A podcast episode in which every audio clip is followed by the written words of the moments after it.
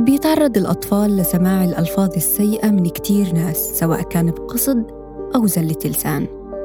وبالغالب الطفل ما بيعرف إذا هالكلمة سيئة أو منيحة.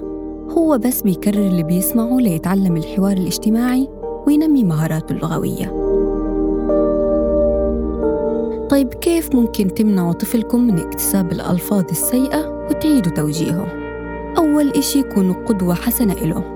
وانتبهوا لألفاظكم قدامه لأنه الكلمات السيئة اللي ممكن تطلع منكم وأنتم معصبين أو محبطين بيكررها ابنكم على لسانه. ومهم كتير تراقبوا شو بيحضر على التلفزيون. وتجنبوا كل إشي ممكن يحتوي على ألفاظ وحوارات سيئة عشان ما يكتسبها. وكمان لا تعيروا انتباه زايد لما ينطق بلفظ سيء لأنه حيرجع يكررها عشان يلفت انتباهكم. عرفوا بهدوء وبدون انفعال إنه هالكلمة سيئة. وكونوا حازمين معه. أعطوا الطفل كلمة بديلة يستخدمها بدل السيئة ليعبر عن حالته لما يحس بالإحباط مثلاً. وتذكروا دايماً إنه هو في مرحلة التعلم وإنه بيتعلم الآن شو اللي لازم يعمله وشو اللي مش لازم يعمله.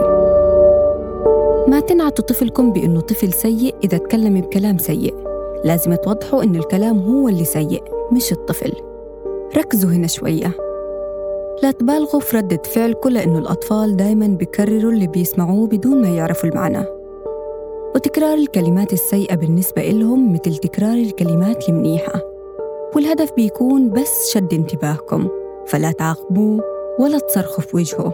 وبهيك مش حتخلوه يركز على الكلمة السيئة لأنها ما لفتت انتباهكم. امدحوا الكلمات المنيحة اللي بيحكيها طفلكم. وبرضه لا تبالغوا بالمدح. اكتفوا بالابتسامة وقولوا إله إنه هذا الإشي لطيف. وبهيك حيتعلم إنه على الطريق الصحيح. وإنه المنيح اللي بيقوله بيلاقي عليه تشجيع واستحسان منكم.